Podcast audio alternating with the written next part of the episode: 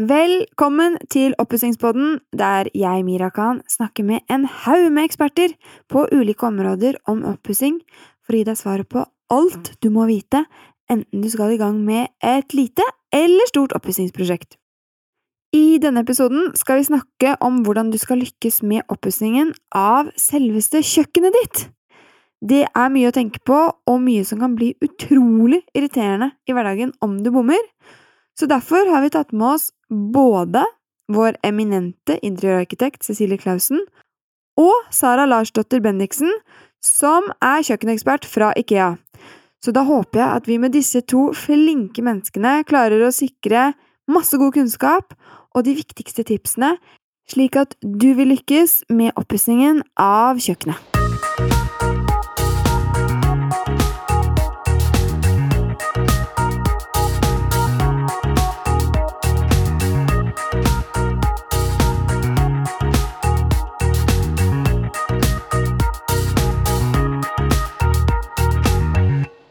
Velkommen tilbake, Cecilie. Takk. Du er jo på en måte vår husinteriørarkitekt, kan vi ikke si det sånn? sånn? stemmer, Jo.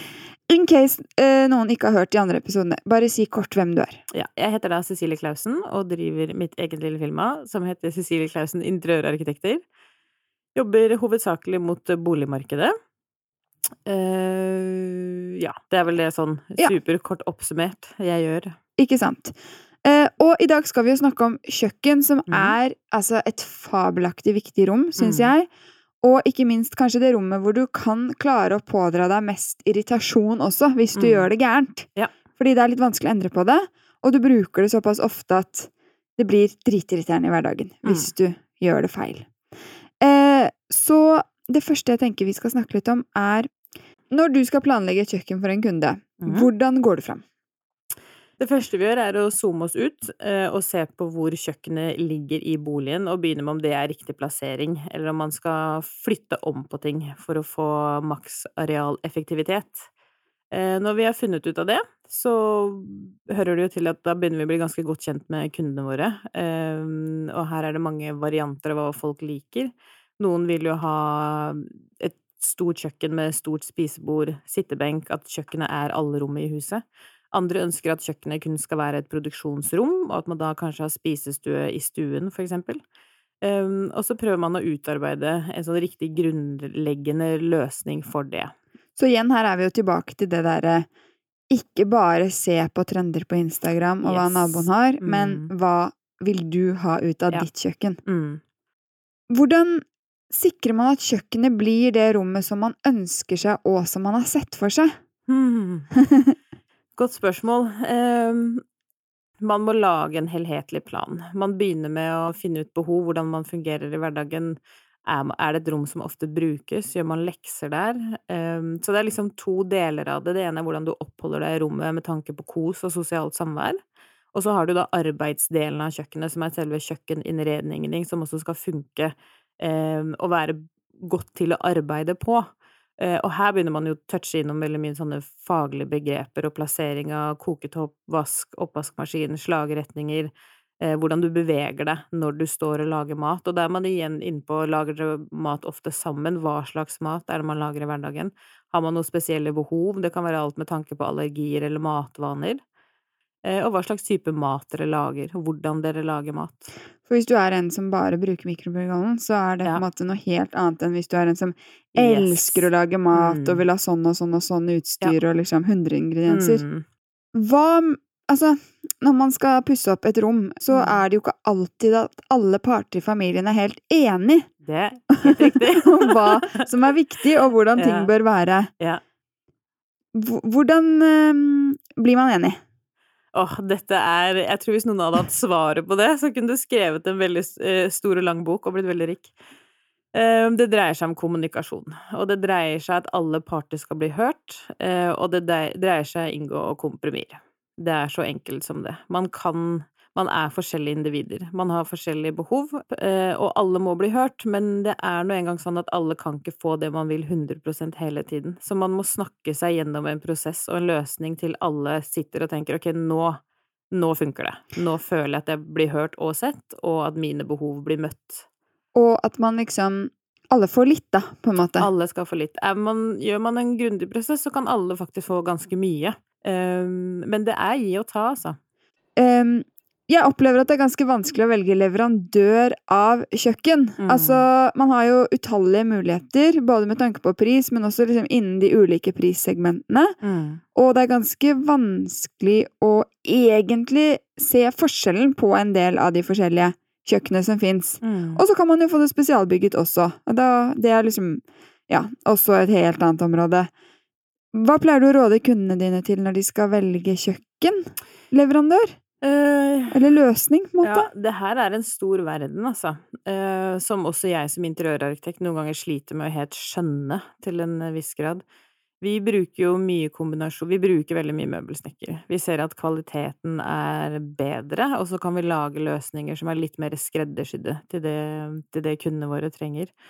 For de fleste kjøkkenleverandører har jo standardmål på sine produkter, så er det variasjoner innenfor dette, men det er liksom produsert på, eh, på standardmoduler, da. Men er det dyrt å få snekkerbygget? Mm, ja, her er vi igjen inne i en diskusjon hvor man tenker hva er egentlig dyrt? Ja. Eh, Jeg ville sagt at hvis dere nå pusser opp en bolig, dere sier her skal vi være i 20 år framover, så ville jeg sagt at da er det ikke dyrt å gå for bedre kvalitet. Det koster litt ekstra, men, Men sammenlignet med for Ja. eksempel uniform, så er det jo type billigere. Det er det billigere, Ja, ja for uniform Mm. er jo Men det er jo altså sykt dyrt. Men sammenlignet med Ikea, så er det dyrere. Det er det dyrere, men kvaliteten er mye bedre. Ja. Mm.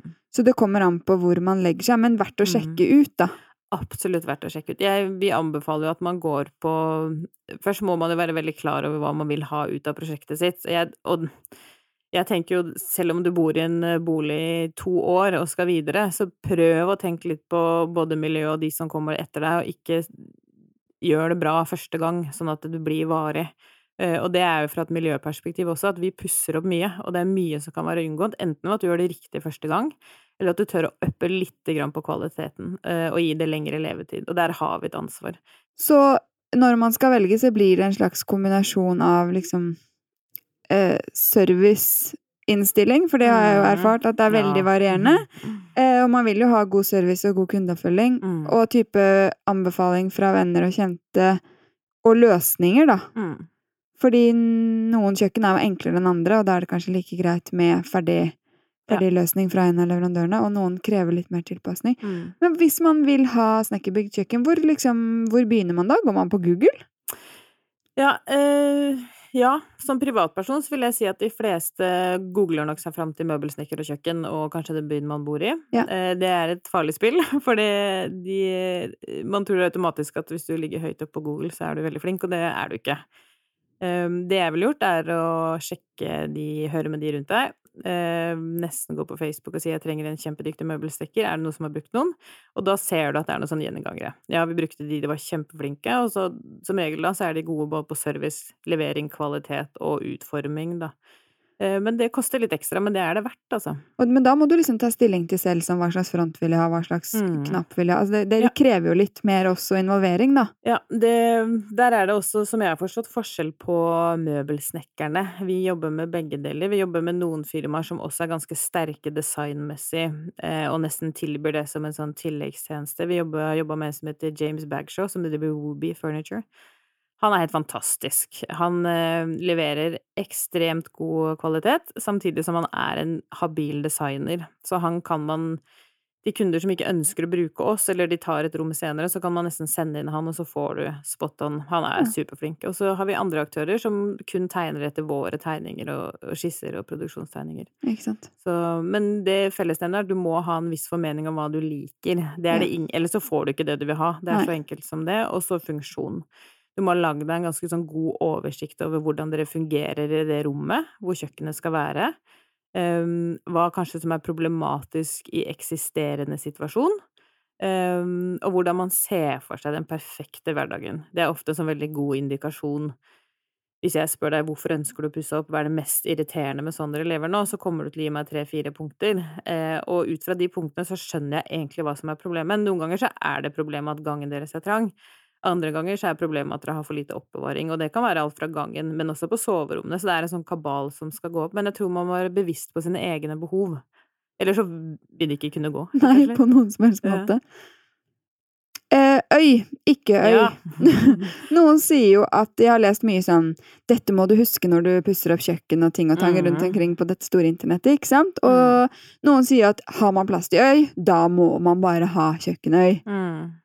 Er det riktig? Det her er så funny, for det er to ting da, som alle våre kunder sier sånn Ja, det er øy og sittebenk. Ja. Det er sånn, Uansett hvor lite kjøkken du har, så bare Og tror du vi kan få inn en øy og en sittebenk? Så bare, det, er- du har ikke sjans i havet. Det, ja, men jeg skjønner det, for det er to ting som Jeg tror det med øya ser man på liksom sånn luksusvare. At det er liksom luksuriøst og estetisk pent, og det er det. Og at man liksom Da står man rundt Ja, der det og er henger og snakker og ja. og liksom Man drikker litt rødvin der om kvelden òg. Men det er ikke sånn det egentlig funker. Eh, I de fleste tilfeller så har man ikke plass til en øy, for det krever eh, en passasjebredde mellom kjøkkeninnredning og øy. Så krever øya en viss størrelse for å være funksjonell, og så krever da på forsiden av øya en viss størrelse der igjen avstand til vegg og bespisning, ikke sant. Så du skal ha et ganske stort rom for at det ikke bare ender opp som et sånn irritasjonsmoment, da. Men hvis jeg har det store rommet, da, skal Mm. jeg da ha øy? Altså er det liksom Ja, jeg syns det er både praktisk og fint. Ja. Det som er positivt med øy, er at du får en ganske en arbeidsflate, et ganske langt strekk, som kan være behagelig.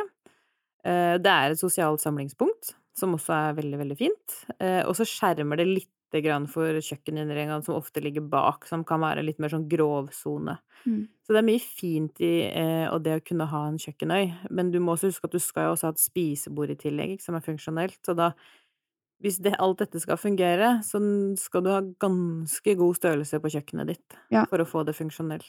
For vi lagde jo da øy i Mm. siste huset. Uh, vi gjorde jo kardinalfeilen å Mm. putte vasken midt på øya, så Ja. kutteflaten ble for kort på Mm. begge sider. Mm, Og så var den enorm, ja. og vi er jo en rotete familie. ja. Så hva var på den øya? Bare rot. Altså hele livet vårt var på den øya, liksom. Ja, det Så jeg vil legge en sånn uh, ja, øy til alle som ikke er rotete. Ja, og da snakker vi om liksom 10 av den norske befolkningen. befolkninga. Ja, og ja, størrelse og sånn. Det skal Mm. tenkes ganske godt gjennom, føler jeg. Ja, og her igjen så toucher vi inn på det at folk sitter mye på Pinterest og Instagram og klipper i blader og bare 'Å, dette har jeg sett, og dette er mitt drømmehjem', men så er det ikke alltid realistisk. Fordi eh, på disse, når du ser eh, fine prosjekter i magasiner, så er disse boligene rydda, de er styla. Ikke sant? Alt er tilrettelagt for at dette skal se smashing ut på et bilde. Ikke sant. Men uh, sittebenk, da? Hva er greia med det? Uh, sittebenk er kos. Ja. Ja, jeg tror det er veldig kos. Det er en eh, Du sitter jo inntil en, da, en vegg, så du sitter litt lunere. Så er det jo en smart konstruksjon, for du kan ha lagring i setet. Så det er vel, sittebenk er veldig, veldig fint. Ja. Og jeg syns jo det Og en putesitt. Så du sitter veldig behagelig. Så det funker egentlig både på sto små, Ja. store og små kjøkken. Eh, mest også der kanskje store områder. For ved å ha en sittebenk, så blir, får, blir sittesonen din litt mindre fleksibel. Ja. Eh, og du skal ha et ganske langt strekk i den sittebenken før du kan for eksempel slå ut bordet når du har middagsgjester, og ikke plutselig sitter inni veggen eller oppå kjøkkeninnredninga di. Ja. Så begge de to krever ganske store eh, rom med riktig form og vindusplassering og døråpninger for at det skal funke bra. Så ikke for enhver pris, det heller. Absolutt ikke. Og det tror jeg Jeg vil bare si det også, mens vi tørster inn på det. Man må planlegge mm, for seg sjøl, og så må man planlegge etter boligen. For det, de tingene man sitter og ser på på sosiale medier og blader, det er ikke den leiligheten du har. Og du kan ikke få pressa inn den løsninga. Du kan lage en variasjon av den med kanskje noen av de like grepene, men den vil aldri bli like funksjonell, da. Og da kan det være noe annet som er lurere for akkurat ditt Ja, kjøkken. Ja, og her begynner man å Litt den derre kill your darlings og gi slipp på den store drømmen om Øy øy. og begge. ja, for Ja. det går det ikke, så går det ikke. Altså, man kan ikke trylle. Så. Men sannsynligvis blir man jo like lykkelig Man uten den øya, ja. i det store og hele Ja. bildet. Og i, i, i alle prosjekter så har vi jo, kommer vi inn i diskusjoner hvor vi sier at dette må bort, dette må kuttes, og dette får dere ikke. Jeg vet dere trodde at det skulle gå, men det lar seg ikke gjøre.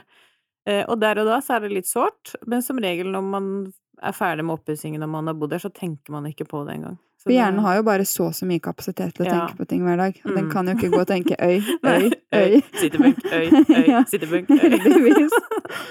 Men eh, en annen stor trend er jo åpen kjøkkenløsning mellom stue og kjøkken. Mm. Eh, hva tenker du om den trenden?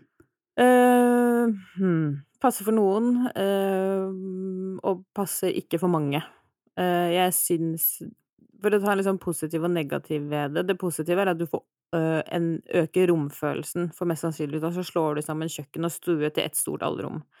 Det gir deg en sånn eh, visuell illusjon at du har mer plass. Ehm, det kan være mer sosialt, fordi man har full oversikt over hva alle gjør hele tiden. Um, og det funker spesielt godt i små leiligheter, eh, byleiligheter, for der har du av gammel tradisjon at kjøkkenet er nesten et sånn lite produksjonsrom. Eh, og så kan du få inn et spisebord med kanskje to stoler, men den spisestua vil ikke funke nok til åtte rundt bordet. Så da, hvis du har en stue, ved å slå ned veggen da mellom kjøkken og stue, så kan du faktisk lage en ganske sånn funksjonelle soner, da, med både kjøkkeninnredning, godt spisebord og en sofa som funker, og da er det faktisk en ganske god løsning. Det negative med åpen løsning er at du ser alt som skjer hele tiden. Mm. Eh, og lyd og lukt. Eh, og når man har en hektisk hverdag, så det å kunne gjemme seg litt bort, eller skille litt av, er fint, altså. Og det tror jeg er mye mer nødvendig enn det folk tror. For da er man Um, jo sammen hele tiden, i hvert Ja. hvis man er en familie. Det er jo alle sammen alltid Yes. hele tiden. Og hvis TV-en er på, da, når du lager middag, så skal den siste sitte og gjøre lekser på bordet, og så skal den fjerde sitte og leke på gulvet, og så flyr hunden rundt og bjeffer. Altså, det er, det er mye, da, for hver en mann. Ja, jeg tenkte hvor bare robust du er. Ja. ja. Kom hjem fra jobb og bare egentlig keen på å være for meg selv, og så Ja, bare? Der var alle, ja. Ja, da kjører vi på. Og så har du lukt eh, fra matlaging. Um, Rot? Rot. Det, en åpen løsning forutsetter ofte at du må være ganske ryddig, eller ha gode løsninger som gjør at du lett kan stue bort ting. Eller at du absolutt ikke bryr deg om at du ser alt, da. Ja, det er også en, eh, en Så variant. egentlig best for på en måte mindre enheter med kanskje færre mennesker også. Ja. At det kommer litt an på antall mennesker i boligen. Mm, jeg ville sagt det. Men så kan man også gjøre en sånn mellomløsning, eller kanskje lage en sånn semi-åpen løsning, da. Og der begynner man jo å touche inn på for eksempel løsning hvor man har en skyvedør som kan lukkes av og på, eller at man kan endre rommene Ja. litt etter hvordan det brukes. Eh, og da er man nok inne på noe som er sunnere, eh, hvis man vil øke romfølelse og Mm. Og i utgangspunktet vil ha et åpent allrom, så kan det være en sånn fin variant av det, da. Ja, for da kan du velge, på en måte. Ja. Ok, og så har vi jo en til. Um, Mm. Overskap, ikke overskap. Ja, eh, det her er så Nå toucher vi innom alle de punktene som jeg får høre i første møte. Vi skal ikke overskap, vil du? Ja, ok, greit. Eh, De fleste trenger overskap.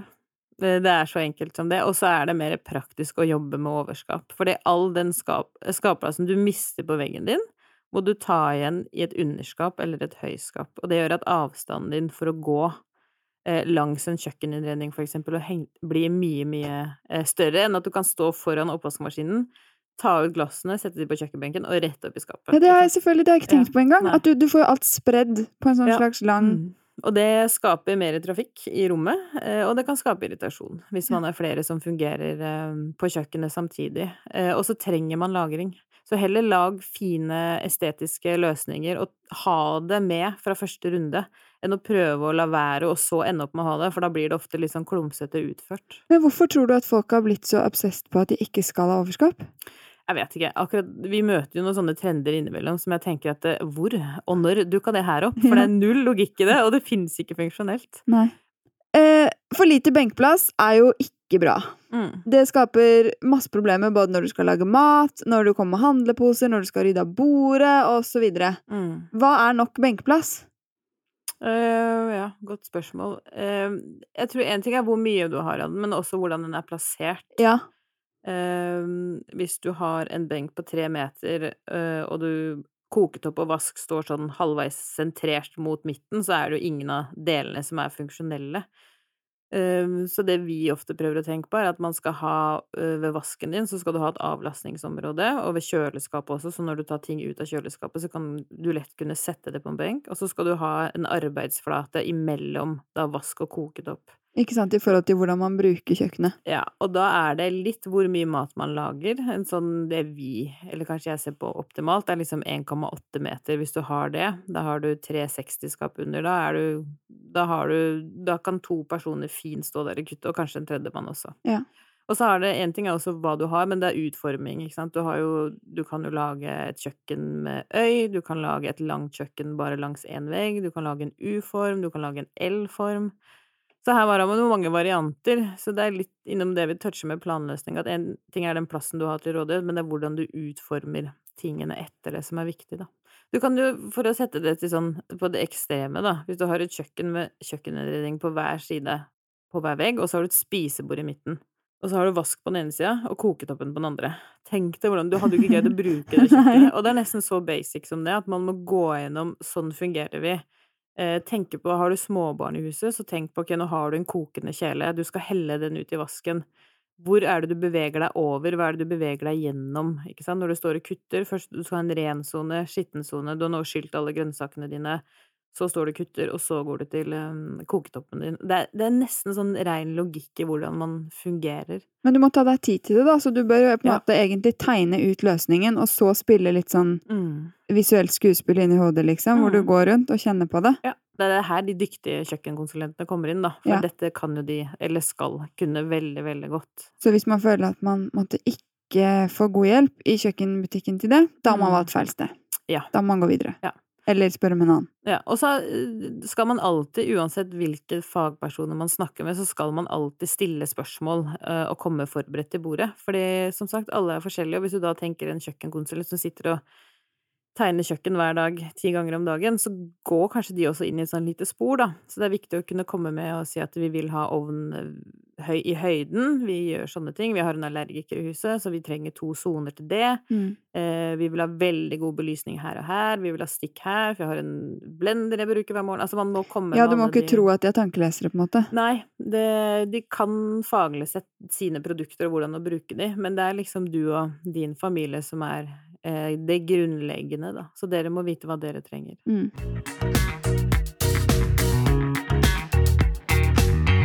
I denne kjøkkenepisoden har vi selvfølgelig med oss en smart annonsør, nemlig Komfort. For Komfort har kjøkkenkraner som er som en slags liten hjelper på kjøkkenet. De har for eksempel en berøringsfri kran som heter Oras Optima Hybrid. Aka kjøkkenkranen som har alt. Den er blant annet berøringsfri, en funksjon som du kanskje tenker er av typen sikkert fint å ha, men det trenger jeg vel ikke, men som du skjønner hvor utrolig lurt det er å ha når du først har prøvd den. Fordi tenk bare på hvor mye rart du har på hendene når du skal slå på vannet, for ikke å tenke på hva barna har på hendene sine.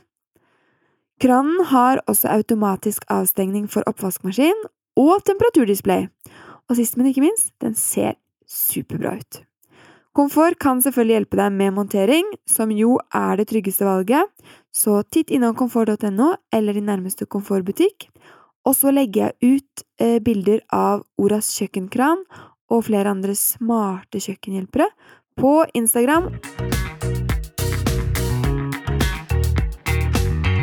Og så har jeg også fått, eller lest at man må tenke litt på hvor man plasserer vask i forhold til rør og sånn. At du kan liksom ikke ja. bare plassere vasken Nei, men da er vi inne på igjennom eh, om du pusser opp en eksisterende bolig, eh, gjør en totalrenovering, eller om du bygger nytt. Så her den, Ja, kommer an på, men det må du i hvert fall tenke på. Du må tenke på Hvor det. er rørene? Skal jeg eventuelt flytte rørene? Det koster ja. penger. Det koster penger, og i mange tilfeller så er det bare ikke fornuftig å gjøre. Så det beste man sier, er at pipeløp, bærevegger og rør og soil prøver man så langt det lar seg gjøre å jobbe etter. Ja.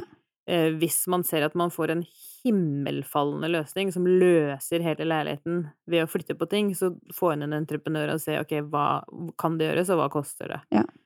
Og så har du jo stikkontakter og watt. Mm. Eh, det er jo skikkelig kjedelig. Åh, lord, nå er vi på ja. Altså, ja, det er uh, kjedelig, men utrolig nødvendig. Ja. Uh, ja. Fordi det er jo veldig dumt når du har det nye, fine kjøkkenet ditt oppe, og så mm. hver gang du setter på brødristeren samtidig som du koker egg, så går, går ja. sikringen. Så nok Nok vatt inn til kjøkkenet. Ja. Mange ganger i, Og dette har jo kommet de siste årene, så har man for eksempel begynt med induksjonsovner som krever Altså, det man har på et kjøkken nå, krever en annen watt, da, for å kalle det det enn det kanskje man hadde tidligere. Ja. Eh, og her, det må man jo også snakke med elektrikeren sin om, og da er det viktig at de vet hvor dere skal, sånn at de allerede da Og det skal en elektriker kunne. Han skal si at nå ser jeg at du har valgt en induksjonsovn, sånn, sånn, sånn, dere lever på den måten. Da må vi trekke nye rør og legge opp til det. Og eh, sjekk hvor du skal ha stikk og sånn, før du på en måte ja, det, er ferdig. Det må Å, nå toucher vi på den store kabalen med oppussing. Ja. Eh, planlegg godt og ha mest mulig ferdig før du begynner å pusse opp. Og det kan bli endringer underveis, men det å legge opp Sånn som du kan Stikkontakter kan enten være utenpåliggende, eller så kan du også bruke noe som heter LK og da har du liksom den bakenforliggende boksen er da inkredert em, I- i- integrert i veggen, ja. og så ligger på en måte en veldig sånn tynn deksel utenpå, da, så de ser mye cleanere ut. Ja. Men dette er ting du må gjøre når du pusser opp. Du kan ikke komme etterpå og si at oh, by the way, kan vi ikke få et stikk her òg? Jo, du kan det, men da må du også dra ledning. Og det er også ganske kjipt når kjøkkenet bare tada, Ja. og så bare får du den ledningen dutt, Ja, det er dutt, dutt. sånne ting som ikke er noe morsomme å, å måtte gjøre i ettertid. Mm. Oppbevaring, det har Mm. vi jo vært litt inne på, at det har man jo på en måte alltid for lite av. Mm. Um, det er jo mye greier. Har du noen lure tips for oppbevaring som er sånn ikke alle tenker på? Eh, det er jo denne berømte sittebenken, da, Ja. som faktisk er veldig, veldig smart. Det Man må alltid tenke med rom, at en ting Man må tenke høyder, i hvert fall på et kjøkken. Eh, og som jeg tror det viktigste folk må jobbe med, er at eh, funksjonalitet trumfer estetikk. Ja. For du ser så mye fine løsninger, og så kommer produsenten med at ja, nå kan du for eksempel felle ned vifta her. Men ja, men da krever du mer plass der, ikke sant? Og da tar du bort muligheten for lagring på det området. Mm. Um, så heller i begynnelsen tillat at det skal være mye skap, og heller gjør det på en fin måte. Og høyskap rommer jo mye. Høyskap og hjørneskap. Og det at det, ikke, at det er veldig lite plass som er død, er bra. Dødplass er aldri superbra, i hvert fall mindre hjem og boliger. Så prøv å bruke Bruk den plassen du har til rådighet, både med tanke på kubikk og med areal. Gulvflate og min, eh, min eh, kreative mann, han Mm. har jo nå fått det for seg at eh, det er veldig lurt med en sånn liksom 20 centimeter på en måte bak kjøkkenbenken. Ja. Fordi da, for det første kan du sette ting der uten at det Mm. forstyrrer kjøkkenbenken. Mm. Og så får du jo høyskap eventuelt plassert litt lenger bak, så du ikke får de Mm. så in your face, mm. som han føler på som er høy, da. Ja, ikke sant? Er, det, er det lurt? Ja. Ja. Ti poeng til han. Ja, for jeg var litt sånn, det er jo egentlig en veldig enkel og lur greie. Det er, det er Vi har, pleier å gjøre dette på prosjekter hvis vi har plass til det. Ja. Eh, Jeg vet at det er noen produsenter også som har kommet med dypere underskap, sånn at man For det er jo 20 cm ekstra, muligens både i overskap, benkeplate og i hver modul Ja, det er sant, for du får det jo under benken Mm. også. Og de fleste har råd til de 20 centimeterne. Så Ja. det, er, eh, det er en smart løsning. I hvert fall for høye mennesker. Og det, vi vet jo det, når vi har eh, kunder som enten er veldig lave eller veldig høye, så må vi uh, tenke på en litt annen måte. Har du noen gang laget, fordi øh, jeg er jo 1,59, Mm. Eh, har du noen gang, og mannen min er 1,84, Mm. så når kjøkkenet er tilpasset han, så er det jo kjempetungt for meg å stå og på en måte røre i ting, for eksempel, for jeg blir jo Mm. stående veldig høyt med skuldrene. Har noen gang laget kjøkken der kjøkkenbenken på en måte er delt? Så litt er lavere? Nei. Nei. er det Men vi, vi har hatt samme jeg, Vi har vært borti det her en gang tidligere, og vi måtte bare justere oss fram. Vi måtte Ja. stå på stedet og prøve. Ok, nå strekker du armen inn i overskapet, og så strekker han armen inn i overskapet, og så ser man hvor man treffer? møtes, og så må man kanskje tenke at kanskje da høyskap og underskap er en bedre lagringsform for samtlige enn eh, Mm. Er det noe annet på oppbevaring? Altså, hvis man kjøper eksempel et ferdigkjøkken, mm. øh, men så har man litt plass over eller under, da kan man få spesialtilpasset så man får inn en ekstra hylle eller gjør sånne Ja. ting òg, ikke sant? Mm. Og jeg tror det ene er jo Det er liksom to eh, To ting med det med lagring. Det ene er hvor mange moduler man får til i et kjøkken. Mm. Eh, og så er det hvordan de modulene er organisert inni. Hvor mange hylleplater, hvor mange, hvordan type løsninger for det å legge fra seg alt fra bestikk til asjetter. Eh, og hvis man systematiserer disse skuffene godt, og kanskje tar én høyde for eh, hvis du har tørrvarer, da, til en viss høyde, at de går der, og så har du tørrvarer til en annen høyde som går dit. Men hvis du skal sette cornflakesesken din sammen med sukkerposen, og Ja. det skal funke i hver eneste skuff, så skyter du deg selv i foten. Ja, det er veldig sant. Så det handler om å prøve å si dette er det vi har av ting, dette er behovene våre, ok, hvordan Og der er jo møbelsnekkeren overlegen, for der Ja. kan du jo si at ok, dette skal dit, vi presser ned der. Når du drar ut skapdøren, så vil jeg ha én hylle på selve døra, og så vil jeg da at innredningen inne skal komme ut automatisk etterpå. Ja. Så da kan man liksom begynne med sånne prinsipper som gjør at det kjøkkenet er veldig mye lettere å bruke. Ja. Men ja, helt til slutt, eh, hvis vi skal oppsummere, dine Mm. tre beste tips til å lykkes med en god oppussing av kjøkkenet? Eh, vær bevisst på behovene dine. Begynn alltid med det. Vær bevisst på hvorfor du ønsker å pusse opp, hva du forventer er det ønska resultatet ditt, eh, og hva du trenger i hverdagen. Eh, planlegg prosessen godt, sett av god tid, dra rundt og Hvis du da ikke bruker en interiørarkitekt, hvis du skal gjøre dette selv. Dra rundt, sett deg inn i produkter, sett deg inn i leverandører. Hva er forskjell på en, et armatur i krom og stål, for eksempel? Altså, du må gå det litt i sømmene. Eh, og passe på at du har nok penger, cash, på kontoen. Ja. og vær tålmodig. Ja. Ja, folk kan ikke trylle, så noen ganger tar ting lengre tid, og det I mange tilfeller så er det bare det som må skje for at resultatet blir bra. Så ikke legg liksom oppussing av kjøkken med eh, deadline 20. desember hvis du skal ha julaften. No! det, men viktigst av alt så er det at når man først går i gang med en oppussing, så skal resultatet være 100 Så det er liksom hovedfokuset, er eh, funksjonalitet og estetikk, da. At du får det nye rommet som funker 100 for dere, og fyller hverdagen med noe godt. Så da må man rett og slett bare tenke at man må kose seg litt i prosessen. Ja, Ikke bare vente på resultatet. det, altså. Ja, Ja. og det tror jeg det er veldig fin sak, for jeg tror mange glemmer det. Man tenker sånn 'Å, jeg skal pusse opp, jeg er så sykt stressa', så jeg har ikke begynt med oppussing engang. Eh, Bare senk skuldrene, og så stoler du på de du har valgt å ta med deg, og så vær løsningsorientert. Det er liksom den, den største egenskapen en bygger eller en kunde kan ha, er å komme på en byggeplass og vi sier 'ok, dette går ikke, vi har funnet dette og dette', og sier 'ja, ok, hva gjør vi nå'? Ja. Ja, prøv å se positivt på det. Det. Finner en løsning. og det, noen ganger så kan det kanskje bli en bedre løsning til og med. Det Ja. veit man jo aldri. Takk! Bare hyggelig!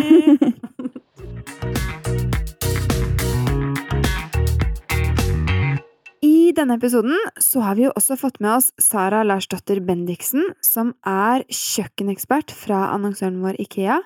Og hun er på vei inn her nå og skal fortelle oss litt mer om arbeidstrekanten, som er et genialt verktøy for å sikre god flyt når du skal planlegge kjøkkenet, og ikke minst bærekraft når man pusser opp. Velkommen i studio, Sara. Takk. Veldig glad her. Takk for at vi fikk komme. Jeg har jo hørt at du er en av de beste vår annonsør Ikea har på å planlegge kjøkken. Bare for at du ikke nå skal få ja, angst. Em, og da er det jo uansett om det er et lite eller stort kjøkken man skal pusse opp. Og ettersom ordene Ikea-kjøkken faktisk er mer søkt på på Google enn bare ordet kjøkken, ganske vilt, så tenker jeg at ganske mange kommer til å bli glade for at vi får lov til å snakke med deg, sånn at vi kan lære alt av din kunnskap. Men du, du er Country Interior Design Leader i Ja. Ikea. Det er en lang titel. Hva betyr det? Jeg er i utgangspunkt en interiørdesigner, men har jobba på IKEA i mange år och jobbar eh, specifikt med interiørdesign, men også veldig mye innsiktsarbeid om hur folk i Norge bor. Hvordan tenker du når du skal innrede et kjøkken? Hvor begynner du? Altså, du begynner med dette behovet. ikke sant? Hvem er det som bor her? Eh, hva skal de bruke kjøkkenet til? Og så hva tenker du for at det liksom virkelig skal sitte? Flyten. Hvor du rører deg på kjøkkenet. Ja. Det tror jeg er, er en viktig del i det. Jeg, jeg så på nettsiden deres at dere har noe som heter Arbeidstrekanten. Og det er sikkert ikke unikt for dere, det er sikkert noe man opererer med i kjøkkenbransjen, men den var veldig lur. Kan ikke du fortelle litt om den? Eh, selve arbeidstrekanten består egentlig av at de ulike stasjonene kaller det stasjoner i Ja. Så om vi skal ta et eksempel, så skal, skal vi lage en wok så begynner du ju alltid å gå mellom kylskåpet der du förvarar, oppbevarer grönsakerna. Ja, Så første stasjon i trekanten er oppbevaring. Det er oppbevaring, Ja. og da kan vi ta kylskåpet som et bra utgångspunkt. Eh, så tar vi ut grønnsakene fra kjøleskapet, og så tar vi dem til forberedelsesplassen, som er en flate. Eh, som du, du trenger jo plass for å både rengjøre og for å skjære opp. Ja. Og sen fra den platsen så skal du da laga maten og da skal du gjerne gå til platetopp eller koketopp der du faktisk tillagar maten. Og den, de tre stasjonene, altså oppbevaring, forberedelse og tilberedelse, eller tillagning av mat, tilberedelse, Ja. den flyten måtte fungere, for du går ganske ofte derimellom. Ikke sant? Og da må man tenke på også sånn type hvis man skal lage noe med tørrvarer. Eh, for da, da, da vrir jo trekanten seg litt. ikke sant? Da går du kanskje tørrvareskapet, og så til kutteflaten, og så til mikrobølgeovnen. Altså, man må, man må tenke på de forskjellige trekantene, eller er det bare én trekant? Vi pratar om oavsett vad du gör på köket när du, när du lagar mat, om jag säger så, så är det de tre stationerna. Ja. Oavsett om du lager lagar någonting med grönsaker eller med kött eller om du gör bara gröt eller eh, vad det pasta så tar du upp någonting och du ska alltid ha den där forberedelse, förberedelse eh, där du förvarar, uppbevarar saker du ställer det på. Men da må man vel også huske på å tenke på de gangene man skal bruke mikroen, eller hvis man har stekeovnen i et skap, at liksom At det er forskjellige trekanter, egentlig, da, litt avhengig av hvor du starter og hvor du slutter. Ja. Ja. Så du setter disse trekantene blir jo egentlig, du kan legge dem på hverandre, ovanpå hverandre, nesten som lager. Ja, ikke sant? Og så må du sjekke så at alle funker. Ja. Ja. Er det noen skikkelig irriterende feil folk bør unngå når de skal planlegge flyten på kjøkkenet? Som du har sett? Det är en, sån, en del sånne misstag som har vært återkommande og som vi vil undvika på alle, alle vis. For eksempel når du prater om den flyten, arbeidstriangler. Om du tenker at du har et kjøkken, og och så har du eh, oppvaskkummen og så har du spise eller platetoppen og så bestemmer du deg for at der skal være en oppvaskmaskin stående emellan. Ja. Har du da ikke nog med plats eh, så blir det forferdelig irriterende når den står åpen. For er du två på kjøkkenet, så klarer du ikke å gå i arbeidstriangelen samtidig som noen tømmer den oppvasken. Da kommer noen å snubbla over den. Og det låter banalt, Fruktansvært irriterende den dagen du står der og du er två og spesielt om du ikke har tatt nok med avstånd, om du har en vegg eller resten av köket, ett parallellkök med, med lådor på andra sidan. Eh, för har du inte nog med plats mellan de olika stationerna så står du och gnuggar rumporna mot varandra eller knashar ihop och så kommer det ett barn däremellan. Det, det, det är förfärligt irriterende. Så det er et sånt eh, varning. Hva med Jeg fikk jo dette stikkordet smart innredning. Hva mener dere med smart innredning?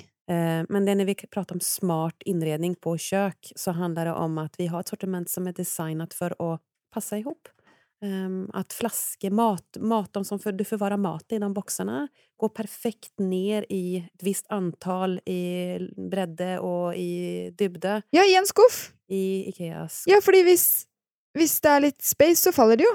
Det, det er håpløst. Det har jeg aldri tenkt på. Nei, det, og da har du avdelene. Ja, så, så litt sånn smart innredning det er at det ligger veldig mye tanker bak designen og hvordan vi har utviklet sortimentet. Det er som et puslespill. Ja. Ja, Kjøkkenpuslespill. det, det, det er det faktisk. Ja. Litt grann som du bygger opp sånn dataspill når du bygger lager på lager. Ja. Og det er vel fordelen da med at vi har alt under ett tak. Men du, bærekraft. Det er jo et viktig begrep om dagen. Eh, og det er jo veldig bra at det har blitt. Og når man puster opp, så er jo det i hvert fall viktig å tenke på, fordi vi puster opp ganske mye, vi nordmenn. Eh, og dere jobber jo ganske aktivt med bærekraft i Ikea, av det jeg vet. Og hva må folk passe på å huske på når de skal pusse opp og ha miljøperspektiv i bakhodet? Det viktigste, det er at du tar deg god tid. För tar du deg god tid i planläggningsstadiet så är du ju trygg i valen du tar. Och då behöver du inte ombestämma dig efteråt. Um, sen så handlar det lite grann om du ska måttbeställa, så beställa bänkeplater för exempel på mål. Ja. Att du har eh, fått riktiga mål. Ja. För gör du det fel så är det... Då blir det dubbelt. Det blir en extra bänkeplate. Ehm, så det, det kan vi gjerne hjelpe, hjelpe til med. Vi, vi har den tjenesten. ja, for folk som ikke er så gode på å male, sånn som meg. Da er det noen god idé å be om hjelp, bare for å slippe å få den. For fra et miljøperspektiv eller miljöperspektiv så er det jo det blir jo dubbelt. Ja. Ehm, så har vi også gjort det enklere å velge ekstra extra miljövänliga eller bärkraftiga produkter på Ikea. Och där några av de produktene produkterna vi kan plocka fram det är ju de nya fronterna som heter Bodar på Kungsbacka. Ja, for er det de, de som er laget med resirkulert plast? Jepp. Det syns jeg er veldig gøy, for det er plastflasker. det var 100 miljarder over verden over lag hvert år. Varav 30 procent av disse blir anvendt på nytt. Ja. Det betyr at 70 milliarder PET-flasker blir kastet antingen i havet eller sope, eh, sophögar s- Ja. overalt. Det er jo eh, greit mange flasker. Ja, så da tog man det som at det er faktisk en ressurs å kunne gjøre noe, tilverke noe av det som eh, annars är natur og, og miljø. Og resirkulert tre. Altså, resirkulert tre har jeg aldri tenkt på at fins engang. Nej, recirkulerat trä eh, hos oss det är att vi har tagit gamla möbler och gamla, gammalt emballage som, eh, i trä som blir packat som egentligen vanligtvis kan bli kastat och så gör man, använder man det på nytt. Så Kungsbacka er gjort av en stomme av sånn resirkulerat Hva er trä. en stomme? Eh, En, kärnan, kärna, kärnan, ja. kärnan i själva, i själva mm, köksfronten är i sånt eh, recirkulerat eh, trä. Ja. Och sen så är det den folien ovanpå som är gjord av då PET-flaskor. Er det noe annet jeg burde vite med tanke på bærekraft og kjøkken? Ja, vi, eh, har, eh, vi går ifrån att ha helträbänkeplater, så vi jobbar med något som heter tyckfiner. Ok, hva er det? Jeg elsker jo heltrebenkeplater. Hvorfor går man bort fra det? Miljøaspekt. med. Ja. Detta betyder at vi kan anvende hele trädet og ikke bare de fine delene av et träd. Ja, sant. Eh, vi kommer ikke att se noen skillnad. Du kommer ikke å kjenne eller se eller høre noen skillnad på denne benkeplaten jämfört med en helträbänkeplata. Du får samme effekten. Helt til slutt. Dine tre aller beste tips til alle som skal planlegge et nytt kjøkken, hvis du skal oppsummere. Ställ dig frågan, vad er det viktigste for meg, eller oss, som använder detta kök? Det er nummer ett. Nummer två, att ställa sig frågorna, vad är det som fungerer, og hva er det som ikke fungerer? Og tre, det å ta seg god tid. Tenk igjennom flyten, ikke bare en, men flere ganger, og det gir deg bättre möjligheter att uppnå den perfekta lösningen. Och du kommer da også bli mer nöjd med det slutliga resultatet. at du ikke går på den där tabben att jag skulle ha tänkt på detta. Så ta dig god tid, ta med dig ritningarna hem, gå några runder, åk tillbaka, fråga. Ta hellre den turen eller ta den telefonen för att få det precis så som du hade tänkt. Och så är det kanske det att du, eh, du kan ju be om hjälp också. Ja, det er lov. det är lov! Du Ja. kan göra allting själv om du vill, men vi, vi, vi kan också erbjuda hjälp. Tusen takk for at du kom i dag, Sara. Takk for at jeg fikk komma. Og eh, jeg tenker at hvis dere vil se mer av det Sara og kollegaene hennes i IKEA lager, så ligger det masse kjøkkeninspirasjon på ikea.no. Og ikke minst disse guidene og triksene til hva du må huske på til best mulig flyt. Der ligger disse centimeterne og ting og tang. Da er det jo bare å kose seg med planleggingen, og ta dere god tid. God tid og lykke til! Lykke til! Lykke till! for at du hørte på Oppussingspodden. Hvis du likte episoden, blir vi veldig glade om du gir oss noen stjerner. Og husk å følge med på Instagram og Pinterest at Oppussingspodden. Og så er det selvfølgelig bare å ta kontakt der eller på mail om du lurer på noe eller har noen innspill.